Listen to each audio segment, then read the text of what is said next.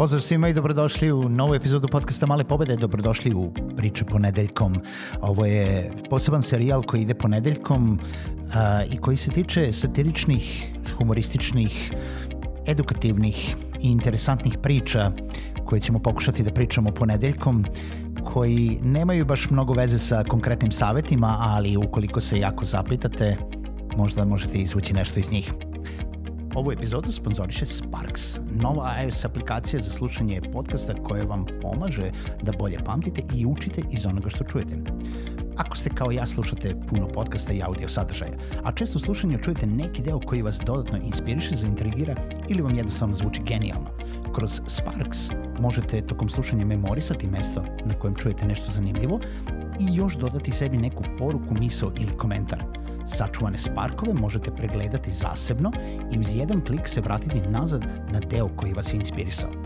Ukoliko posjedujete iPhone ili iOS uređaj i želite da probate Sparks, posetite malepobede.rs kroz Sparks sa ks i skinite beta verziju. Idemo na sledeću priču i uživajte u pričama ponedeljkom.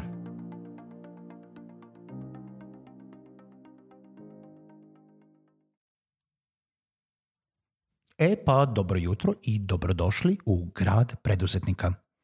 Grad preduzetnika postoji već odavno, ali je u posljednjih 10 godina doživeo skoro nezapamćenu ekspanziju.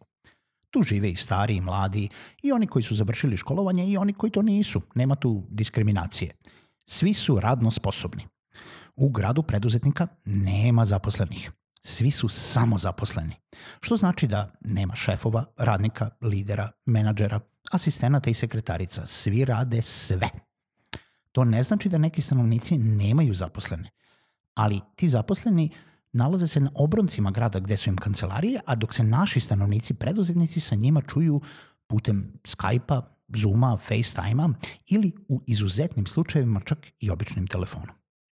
Svi naši građani rade na daljinu što bi se reklo remote, barem 2-3 dana nedeljno, ne napuštajući grad, već radeći od kuće ili u obližnjem coworking prostoru širom grada, kako bi se družili sa drugim preduzetnicima.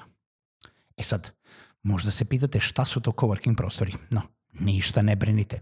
Godišnje imamo barem 10 do 15 kampanja podizanja svesti o tome koliko su oni dobri za vas i vaše poslovanje.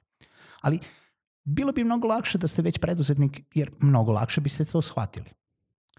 Naš grad je najmoderniji grad u regionu. Imamo najbrži internet koji sami proizvodimo, najnovije tehnologije u pametnim kućama, pametnim prodavnicama, pametnim gradskim servisima, ma sve nam je što bi kolege amerikanci rekli smart. A smart su nam i ciljevi. Mislim ono, specifični, merljivi, dostižni, bitni vremenski određeni. Specifično želimo da povećamo populaciju našeg grada, govoreći svima koliko je preduzetništvo cool i ono koliko ste uspeli ako jeste preduzetnik.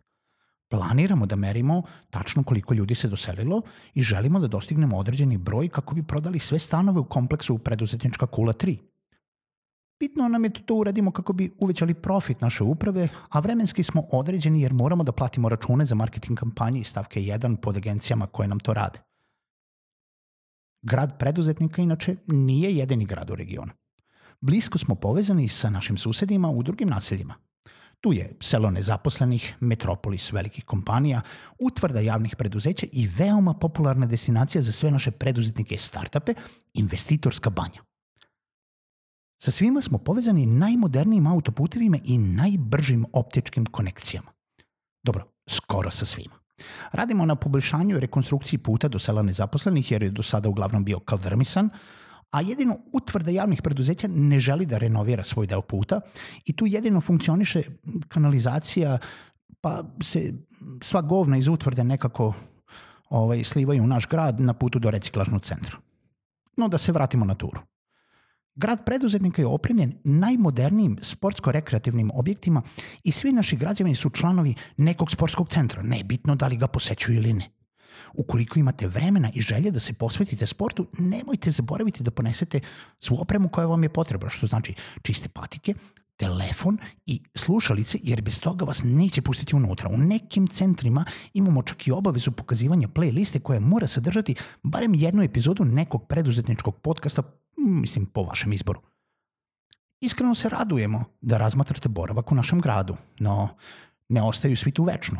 Imamo velike fluktuacije i česta preseljenja oni koji nam dolaze, ali i oni koji nam odlaze.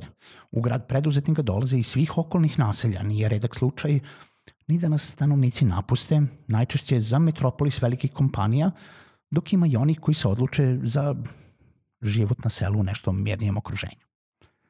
Nadamo se da ste uživali u ovoj turi, a posebno se nadamo da ćete razmotriti preseljenje u naš grad kada budete bili spremni za takav korak.